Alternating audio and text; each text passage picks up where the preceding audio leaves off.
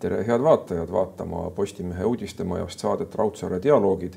täna oleme paraku lindistuse vormis eetris, mistõttu te küsimusi küsida ei saa, kuid taas on rõõm ja privileeg minul neid küsimusi küsida, kuna tänane külaline on ka erakordselt huvitav. EKA õppejõud, ajaloolane David Vseviov, tere tulemast. aitäh kutse eest, aitäh. mul on tõesti väga rõõm näha siin eh, sellist huvitavat ja põnevat lektorit, keda ju ma arvan, paljud vaatajad, kes ka kuulavad raadiot, rõõmuga raadiost siis otsivad. müstiline Venemaa selle tiitli all on olnud nüüd esimesest novembrist eetris üheksasada korda, mis on ikkagi märkimisväärne arv. no see on peaaegu veerand sajandit ja mõtlesin, et tulenevalt minust pole ükski saade vahele jäänud, ma isegi ei tea, kuidas see on võimalik, sest vahel oled ikka külmetanud või, või jalg valutab, aga kuidagi on nii juhtunud. muidugi vahel on jäänud, sest on olnud olümpiamängud ja on olnud laulupeod, aga tulenevalt minust on õnnestunud kuidagi nii toimetada, et pole vaja olnud kordusesse veel midagi panna, näeb, kaua see kestab ja. nagu vaataja võib juba mõista, me räägime ajaloost ja me räägime ajaloo rollist äh, ja inimese rollist ajaloos. et võib ju mõelda, et ajalugu on selline abstraktne nähtus, õpikute teema, mis meisse ei puutu, aga seal on üks häda. ajalugu kipub korduma. oi, seal neid hädasid on väga palju, seal on üks veel suur häda ja see tuleneb sellest, et meil on väga raske kontrollida ja välja selgitada katseliselt tõde kui keemik või füüsik korraldab katse, siis ta midagi tõestab, aga meie ei saa praegu kokku leppida, et teeme siia näiteks keskaja ja vaatame, kuidas need asjad välja nägid. ja veel üks, kui me räägime nendest needustest, seisneb selles, et kui me arutleme, arutleme sündmuste üle, arutleme inimeste otsuste üle, siis me teame, mis järgnes. ja meil on võimatu sellest teadmisest ennast kuidagi lahti lasta. no võib-olla konkreetne näide, mis tagantjärele ta... tarkus nii-öelda. see on tagantjärele tarkus, mis on aktuaalne, kui me arutleme Päts Laidoner kolmekümne üheksas aasta, neljakümnes aasta, tulenevalt kasvõi ausamba püstitamisest, aga nemad said ju lähtuda ainult sellest teadmisest, mis neil oli ja mingist mineviku kogemusest aga meie teame järgnevaid sündmusi ja sellepärast me mitte kunagi ei saa anda neile hinnangut, laskudes kuidagi nende aega. ja vot see muudab selle ajaloo tõe natukene küsitavaks või subjektiivseks või võimaldab siin ka natukene mängida ja oletada ja ma olen tudengitele alati toonud näitena, et erinevalt ka reaalteadustes meil on üks huvitav kategooria, mida ei ole ei matemaatikutel, ilmselt füüsikutel, keemikutel ja see on aga sakslased lähenesid Moskvale neljakümne esimesel aastal, aga ilmad järsku muutusid külmemaks. no nagu Bulgakovi saatuslikud munad. samasugune motiiv, mis huvitab, kirjutati ju minu ja. mälu järgi enne ja. teist maailmasõda, kus siis kangelaslik Punaarmee peatas sisalikud. tänu külmale ilmale. jah, nii see on ja nii see on ja nii me arutleme nende sündmuste üle, aga need inimesed, kes tol hetkel tegutsesid, muidugi ilmaprognoosid olid juba tol ajal ka olemas aga vot see on niisugune spetsiifika, mis puudutab ajaloo uurimist ja ka mõtisklemist ajaloo raamides. no ja, aga nüüd enne väga oluline järgmine mõte on, mis te just ütlesite enne meie saadet, et inimene pole ajas muutunud. tees, mis mulle selles mõttes väga meeldib, et kui me mõtleme tagasi Vana-Kreeka aegadesse siis kogu see probleemistik, mida toonased filosoofid on meile edasi pärandanud, ei ole mitte jällegi abstraktne teadmine, vaid täiesti praktiline manuaal, võiks öelda. loomulikult, muidugi, muidugi.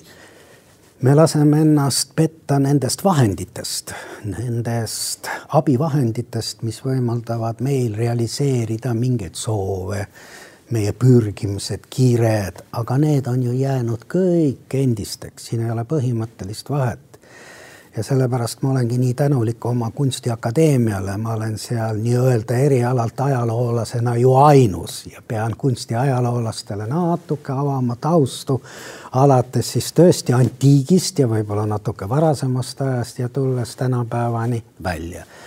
Ja kui ma vaatan näiteks võimukandjate ambitsioone või ma vaatan mingisuguseid olulisi murranguid ühiskondlikke või võtan näiteks revolutsioonid, Prantsuse revolutsioon, Vene revolutsioon, rohelised revolutsioonid Põhja-Aafrikas, siis ma näen, et need stsenaariumid on absoluutselt ühesugused. aga kes siis neid revolutsioone ellu viivad, kui mitte inimesed?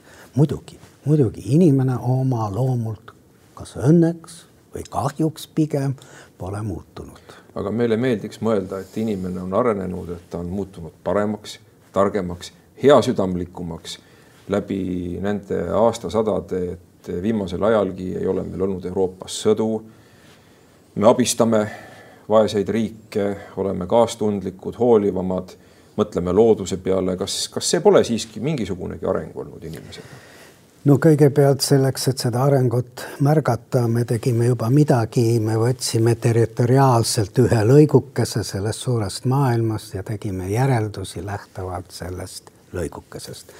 no nii me võime öelda, et Rootsis on elatud enam-vähem nii mitusada aastat, pole sööditud, pole olnud erilisi probleeme ja nii edasi kui me vaatame globaalselt maailma tervikuna, siis me näeme, et pigem on need probleemid eskaleerinud või mida see tähendab, kui me võtame aluseks selle kõige olulisema inimelu, suhtumine sellesse, inimene kui väärtus, siis ei ole ju mõõdetav see kahju, mida toodi kunagi võrreldes sellega, mida tuuakse ka tänasel päeval. me istume siin stuudios ja meil on äh, me ei mõtle selle peale, et ma olen kindel ja ei tahagi seda mainida, et sel samal hetkel, sellesama neljakümne viie minuti jooksul tapetakse ju arvuliselt inimesi nende konfliktide käigus, mis leiavad tänasel päeval maailmas aset.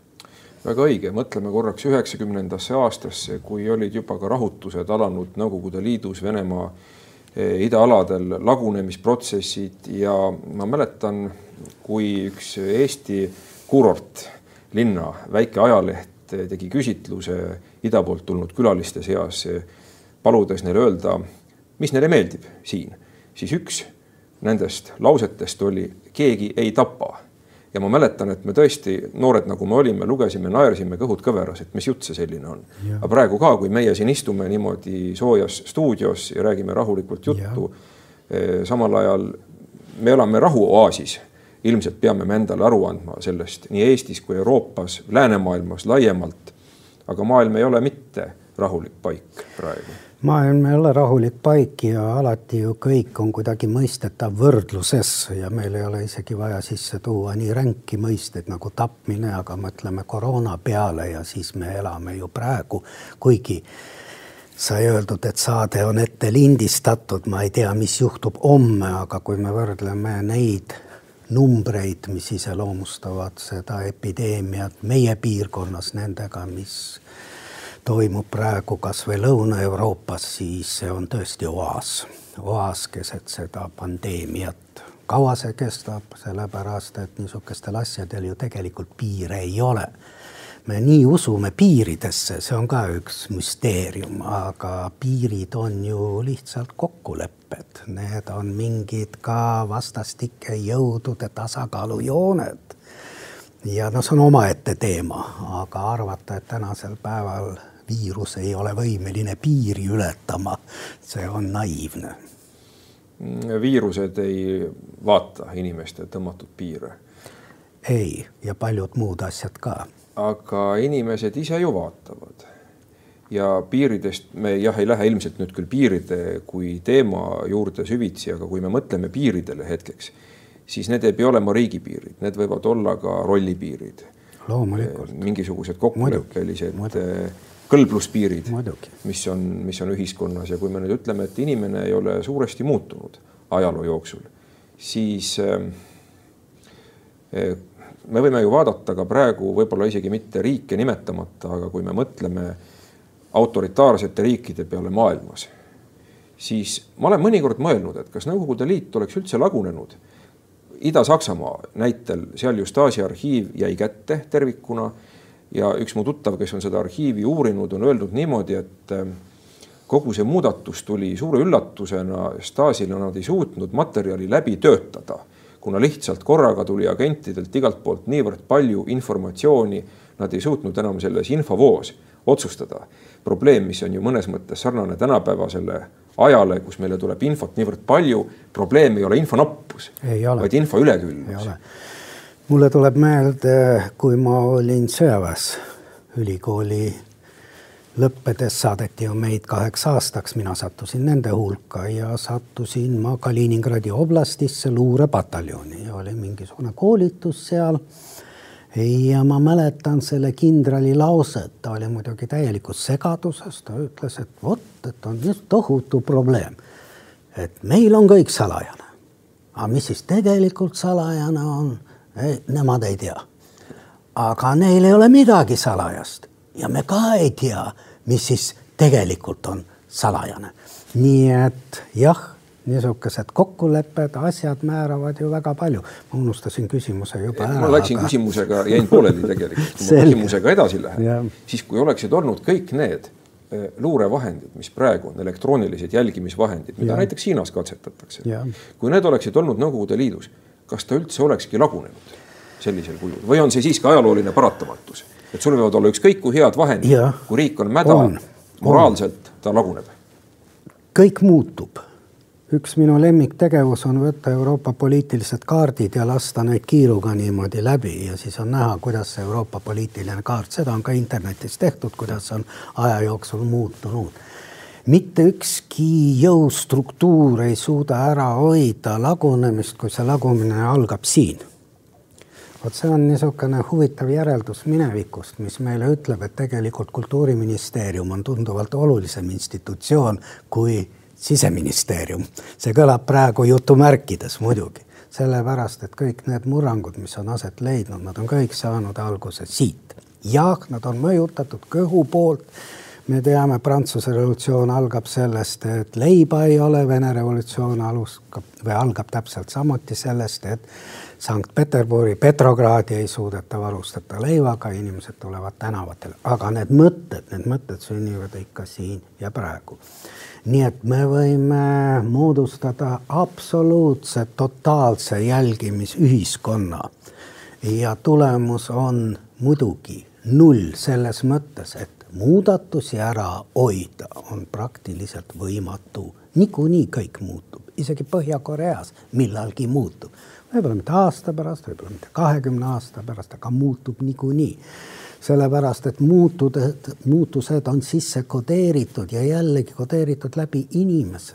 me tahame muutusi, me tahame muutusi.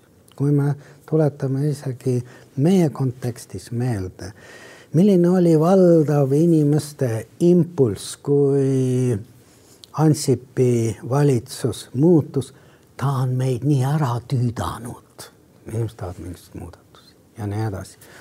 Need on väga pikad ja laialivalguvad vastused, aga, aga kõik, kõik see eeldaks nii pikka arutelu ja mõttevahetust, need on nii huvitavad teemad. mitte ainult eksimine pole inimlik, vaid siis ka muutumine on inimlik.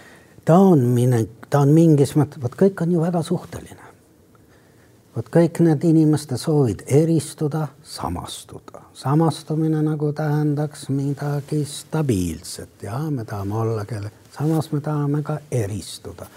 Ja ka variandis, miks väga sageli juhtub nii, et see valitsus, kes on võimul reeglina, no reeglina, kui me üldistame, järgmised valimised kaotab, lihtsalt sellepärast inimesed tahavad jälle muutusi, sa tahad samastuda millegi muuga nii et need on niisugused väga raskesti mõistetavad ja defineeritavad asjad, aga nad on väga huvitavad mõtisklemiste jaoks.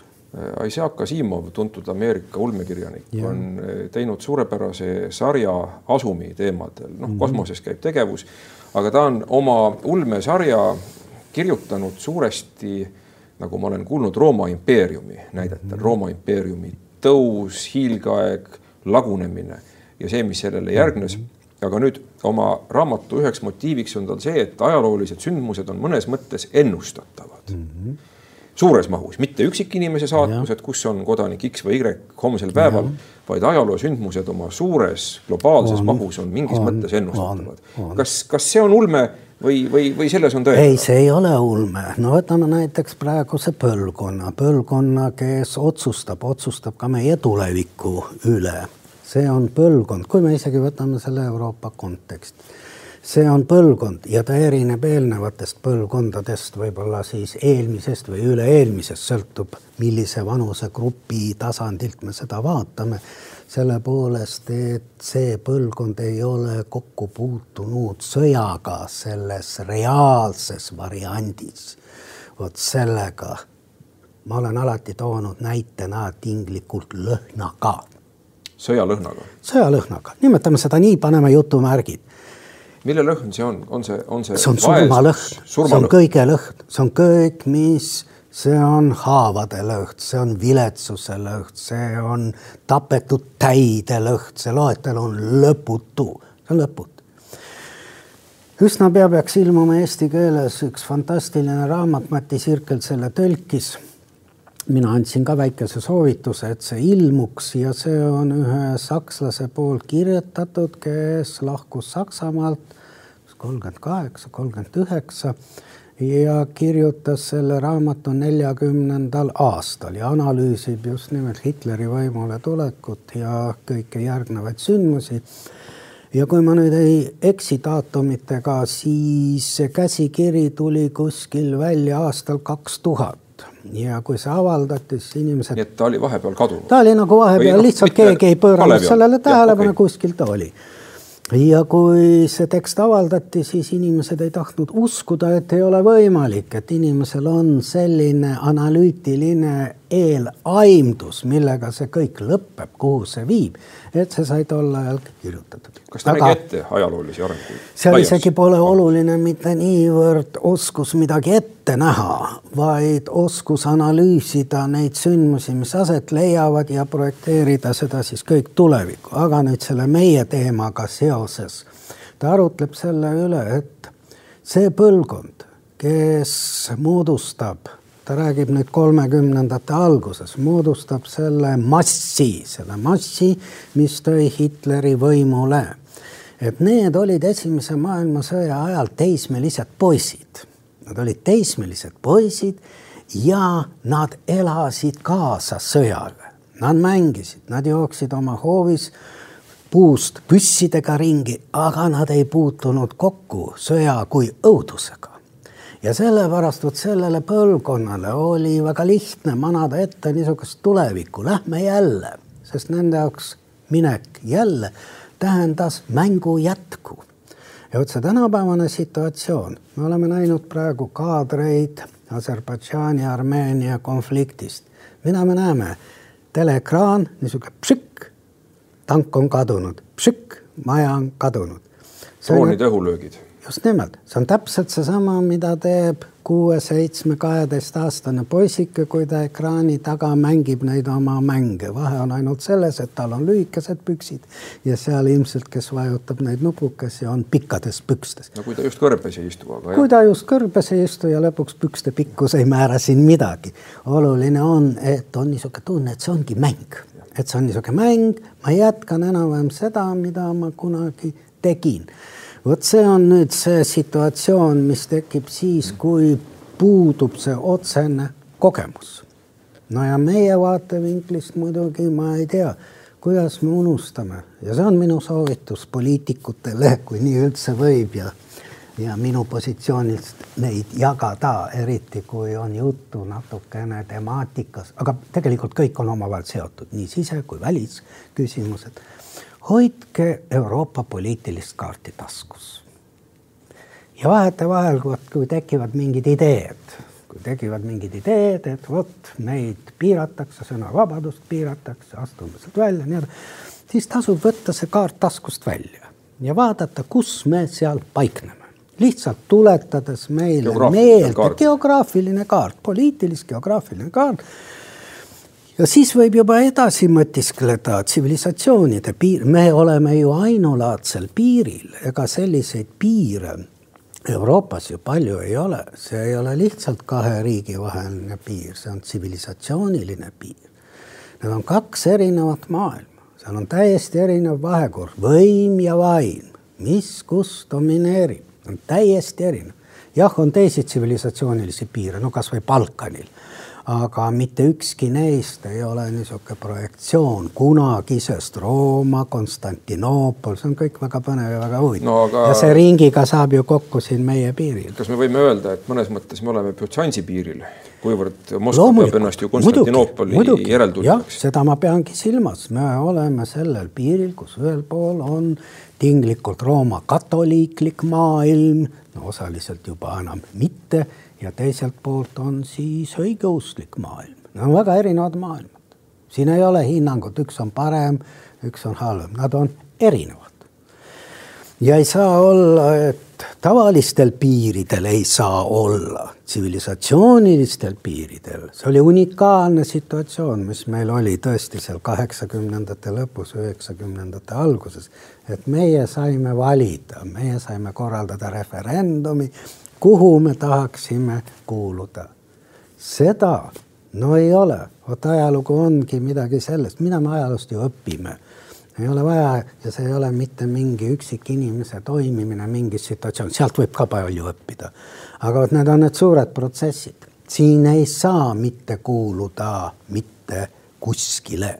sellist näidet inimkonna ajaloos tsivilisatsioonide piiridel ei ole teine on maitse küsimus, kui meeldib see variant, siis võiks jääda ei saa tsivilisatsiooni mõttes. me oleme ei, nüüd väljaspool suuri süsteeme. ei, see ei ole meie küsimus, sellepärast et sinna on kodeeritud tung piirideni.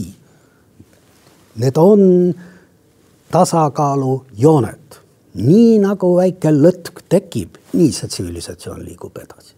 see on paratamatu, see on sisse kodeeritud ja Vene tsivilisatsioonist, nii-öelda tinglikult Bütsantsi tsivilisatsioonist pole mõtet üldse rääkida, sest lisaks kõigele on see impeeriumlik tsivilisatsioon.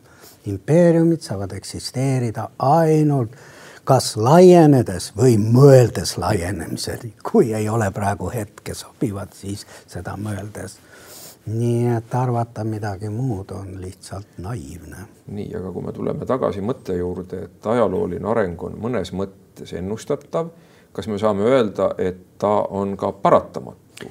vist mitte, inimene, üksikisik võib-olla ei saa seda ja. alati, kui ta ei ole just väga tähtsal kohal nagu Stalin, ta ei saa seda suunata on muidugi ka neid ajaloolasi, kes leiavad, et tegelikult mitte mingisuguseid seaduspärasusi ei ole tähendab niisuguseid üldiseid ja see on ka väga lihtne.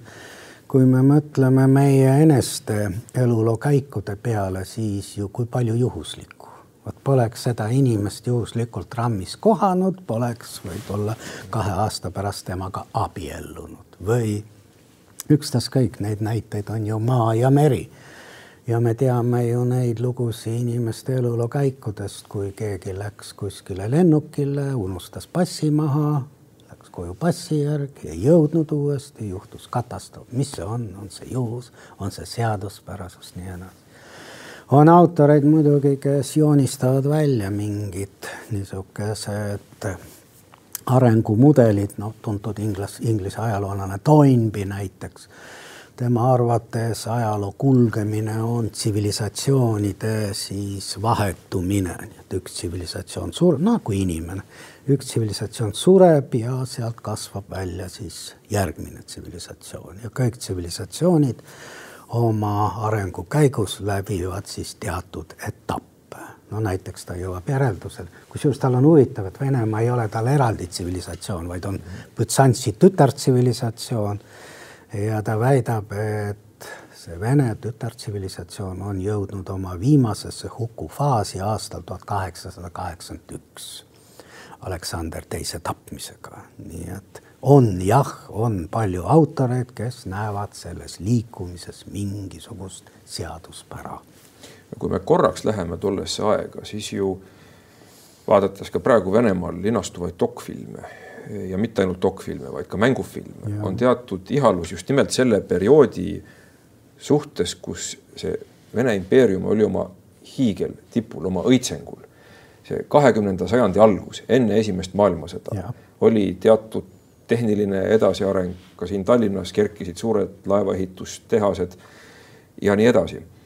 et eh, järgnes ju suur katastroof, kui öeldakse, et Nõukogude Liit, Nõukogude Liidu lagunemine oli globaalne katastroof, nagu me teame, mõned riigijuhid on seda armastanud ja, öelda, siis võib-olla nad peaksid mõtlema aastale tuhat üheksasada seitseteist hoopiski. mida see tähendas toonase impeeriumi lagunemise osas, aga ometi sellest tuli ju midagi muud. ja ka jällegi väga võimas mm -hmm. moodustis siin on väga palju huvitavaid momente, mida sai praegu puudutatud, no kõigepealt see sajandi lõpp ja kahekümnenda algus, no see on üldse üks erakordselt murranguline aeg, mul on niisugune tunne, et viimase sajandi vahetust ei anna ligilähedaseltki võrrelda selle ajaga ja nende murranguliste sündmustega, mis leidsid siis aset mina olen seda nimetanud, et see on aeg, kus täitusid inimkonna mütoloogilised unistused. lennata. lennata olen ma näidet alati toonud.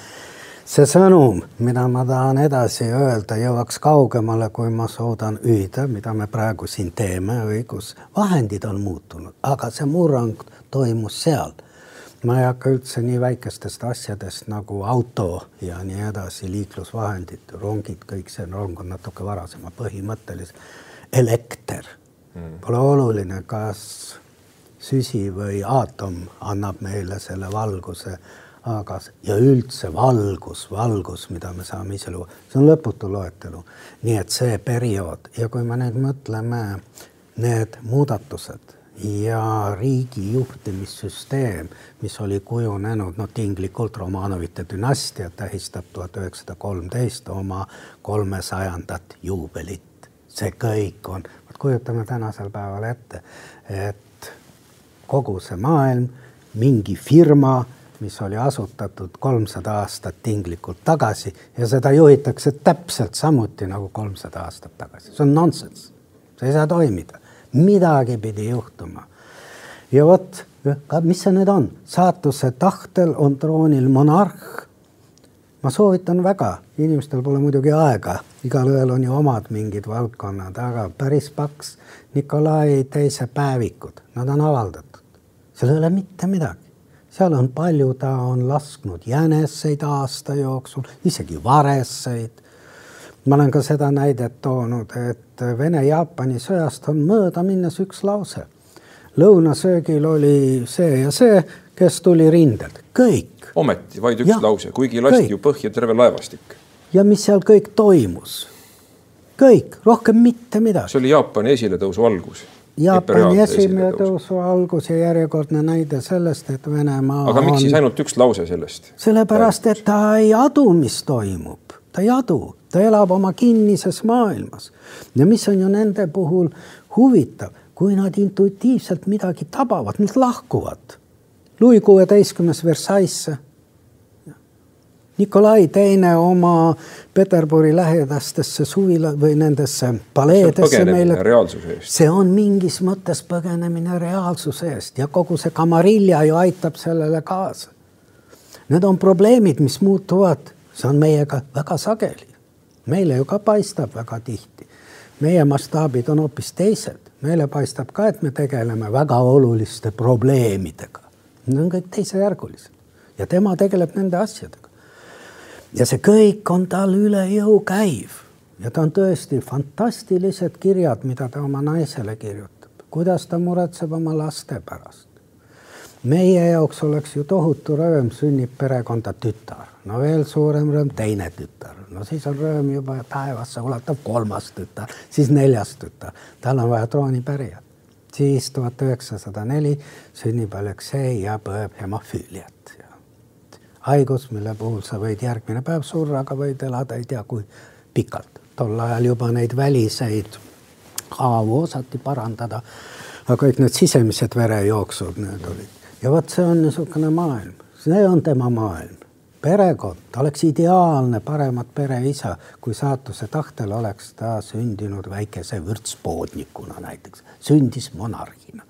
ja vot see teadmine, et loobuda ma ei saa, et ma olen välja valitud, et see on jumalik missioon, ta ju kogu aeg usub, et ja need nõukogudeaegsed müüdid, et see on paha ja vastik inimene ja nii edasi. ei, ta on imehea, kui ta õpib autosõitu, siis ta ütleb oma üks vürst õpetab teda siis roolima ja siis ta ütleb, et ma ei tohi mitte kedagi oma alamatest alla ajada. mina vastutan, minu alamad. meil on noh, nagu on, aga, aga see on see mure, ta vastutab. ja vot ongi vahe, et meil on niisugune tunne, et meie valitsejad vastutavad rahva ees, tema vastutas ju jumala ees, no hoopis teine vastutustasand ja see kõik käib talle üle jõu no siin me jõuame juba ühe inimese rollini ajaloos. ja loomulikult, kui inimene on sellises vastutusrikkas rollis nagu suure impeeriumi juht, see võib teda enda alla matta, see vastutus üksikinimesena. aga samas me ei saa ütlemata jätta ju seda, et ajalugu võib algada ka üksikisikust, mida sageli me oleme näinud, et protsessid on alanud tänaval meeleavalduste, rahutuste käigus või kui me mõtleme kaheksakümne üheksanda aasta peale või isegi läheme tagasi veel kaheksakümne kaheksanda aasta peale, laulva revolutsiooni algusse. aga mida ma küll mõtlesin, ma mõtlesin seda Balti ketti. kui see kett oli ju ajaloos seninägematu, tohutu, aga ta koosnes ikkagi üksikisikutest. Ja, ja. ja neist igalühel tuli teha valik, kas ma lähen sinna või ma ei lähe sinna. No vot, see on müsteerium, me ei oska seda öelda, seda on väga raske mõista. miks teatud hetkel kellegi kutse, no võib-olla me esitame praegu eetris üleskutse teha teine kett ja sinna ketti asume me kahekesi, sest vaevalt keegi reageerib meie üleskutsele. miks see on nii? ajast vaim raske mängib rolli. mina olen proovinud ja tudengitega teinud ühte niisugust asja. Hitleri nad tavaliselt tunnevad ära, nooremad inimesed, aga Mussolinit eriti mitte. pildilt? pildilt jah, ja mitte pildilt, vaid, vaid katkenud kroonikast ja ma olen seda näidanud ja küsinud, et öelge mulle palun, kuidas teile tundub, kas on normaalne inimene ja vastus on üks-üheselt. televaatajad võivad kontrollida, no ei ole ei ole, kõik need poosid ja nii edasi aga kuidas teatud situatsioonides kõik järgnevad? miks paistab, et see jutt on absoluutselt õige ja meid kaasa haarav? no sama me võime ju, meil ei ole vaja minna minevikku. Just toimuvad ühed valimised ja mõnede inimeste arvates üks nendest kandidaatidest või tänase päeva seisuga peaaegu presidentidest paistab neile ju täiesti hulluna ja teised leiavad, et see on kuld, mis sealt suust tuleb. miks see nii on, millest see sõltub, miks kord me järgneme? jällegi seesama, esimene maailmasõda lõppes ju tuhat üheksasada kaheksateist. Kui me võtame nüüd Saksamaa varianti, peaaegu kõigil on ju kuskil kummutil pilt mustas raamis, isa, vanem vend laps, tuleb keegi ja avab jälle selle Pandora laeka, et lähme uuesti, põhimõtteliselt õigus. ja no kõik tuleb panna küll jutumärkidesse, aga sisuliselt kõik on nõus järgnema. vot kuidas siis nii? miks me kord usume? Jah, me oleme üldiselt ju karjaviisilised elukad bioloogiliselt, ju siis on meisse see kodeeritud usk kellegisse, kes teab, kuhu minna kellele siis tinglikult karjana oleks mõistlik järgneda. Väga raske on seda mõista. ma lugesin ühte huvitavat esseed ja see oli pealkirjaga Hitleri mees enestes.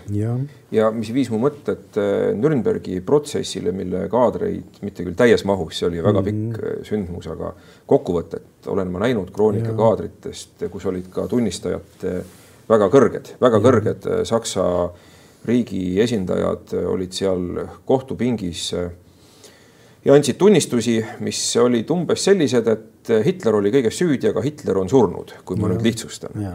ja igalühel neist oli nii või teistsugune vabandus enamasti varrukast võtta mm. -hmm.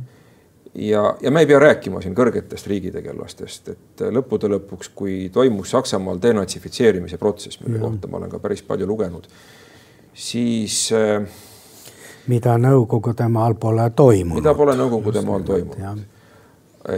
aga see üksikisiku vastutus oli seal keskne, et ikkagi igal inimesel on oma vastutus ja see essee, mille pealkirja ma mainisin, ei räägi mitte niivõrd ajaloost, ta räägib filosoofiliselt. isegi Hitler on siin kõnekujund.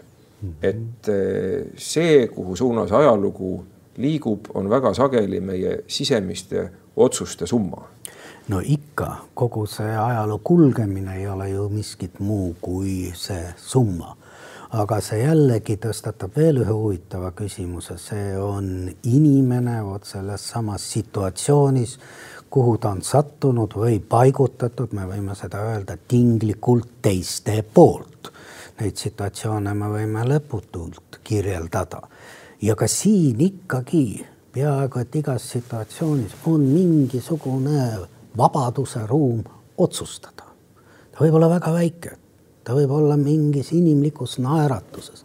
meil on ju olnud neid lugusid kasvõi küüditamiste variandis, et see reamees, kes on siis sinna saadetud kedagi ära viima, seisab püssiga ja ütleb, et võtke soojad riided kaasa.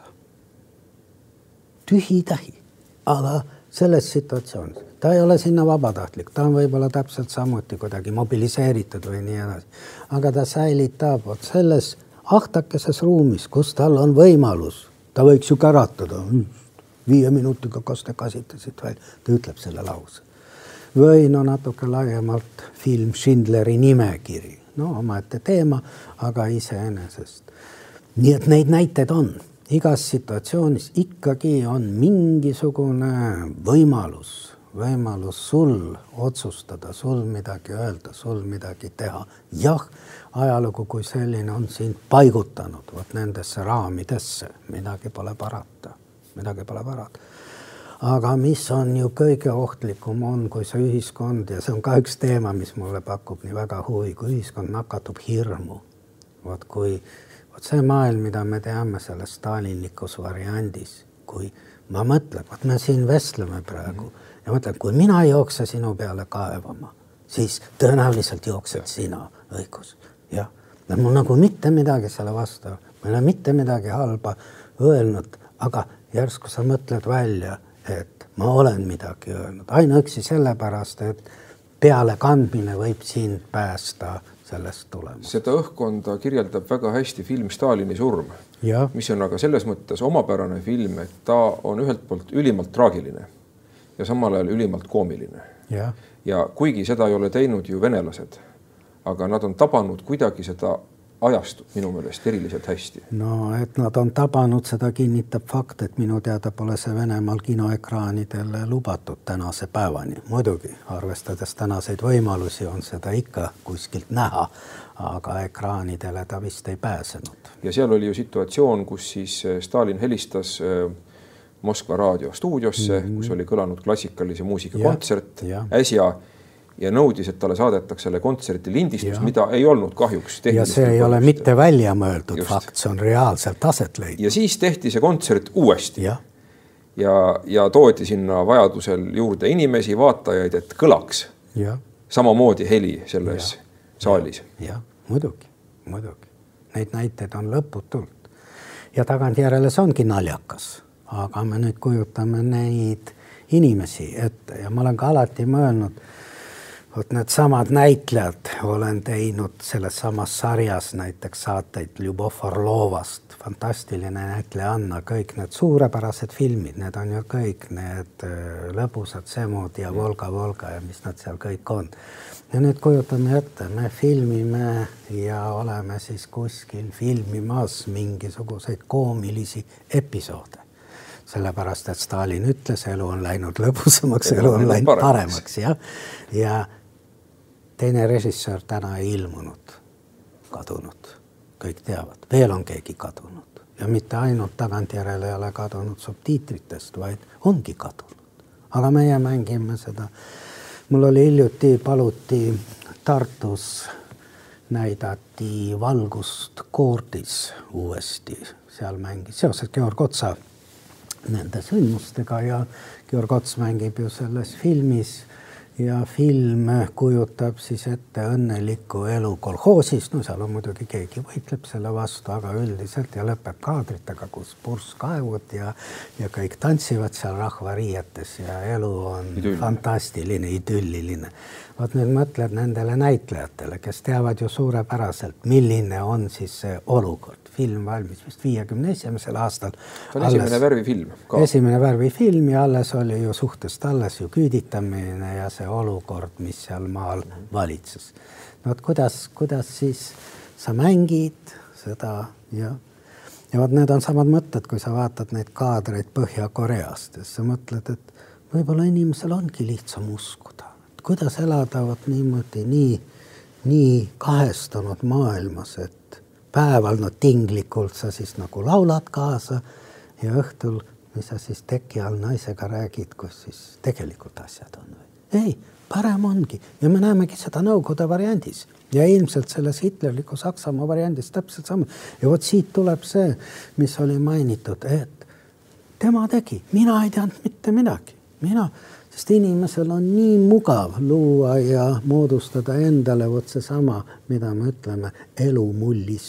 no aga mis siis saab, kas me peaksimegi ütlema inimesele, et ihale demokraatiat, et võib-olla, võib-olla tal ongi parem elada sellises Põhja-Korea tüüpi süsteemis? jumal hoidku selle eest, me peame üldse hoidma sellepärast, et kui meil üldse midagi on millega me saame eristuda tänases maailmas ja eristuda Venemaast, siis see on demokraatia ja vabadus. me ei ole mitte mingisugune ei propagandas, ei kuskil, me ei ole võrdväärne partner, me võime osta veel kaks tanki juurde sinna kolmele suurtükile ja niikuinii ei suuda me siin võistelda.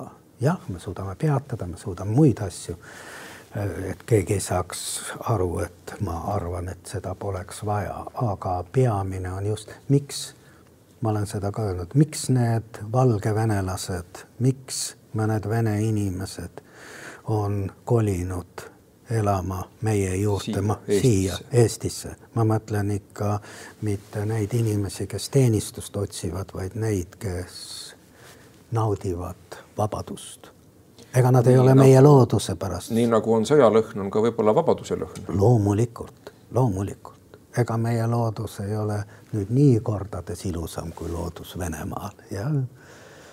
aga millegipärast, see on nii oluline, seda me peame hoidma kahe käega, see on jälle üks ajaloo õppetund. vaba inimene vabal maal, see on midagi nauditavat ja selle mõttega, mis on väga oluline mõte, ma arvan, me võiksime ka lõpetada tänase saate. aitäh, David Vsevjov, selle ütlemata huvitava ja ma loodan, et meid kõiki mõtlema paneva vestluse eest, meie ajast ja meie rollist selles ajas, kus me praegu kõik koos oleme.